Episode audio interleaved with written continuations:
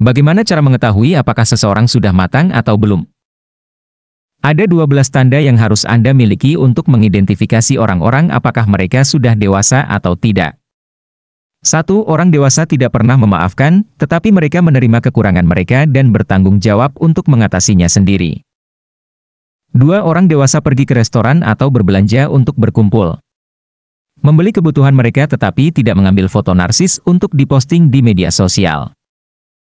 Tiga orang dewasa selalu mendengarkan seseorang untuk memahami, bukan menjawabnya. Empat orang dewasa tidak pernah mencoba mengubah orang.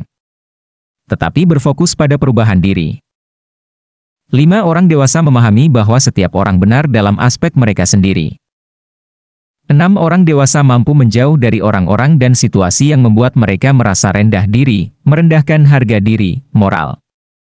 Tujuh orang dewasa biasanya pendiam, mereka menggunakan kata-kata mereka dengan bijak saat dibutuhkan. Delapan orang dewasa lebih menyukai elemen alam daripada beberapa hal material untuk menemukan kebahagiaan mereka. Sembilan orang dewasa belajar untuk melepaskan, menerima apa pun situasinya dan terus maju. Sepuluh orang dewasa memprioritaskan keluarga mereka sendiri atas segala sesuatu di sekitar mereka. 11 orang dewasa tidak pernah membandingkan dirinya dengan orang lain. 12 orang dewasa menerima orang apa adanya.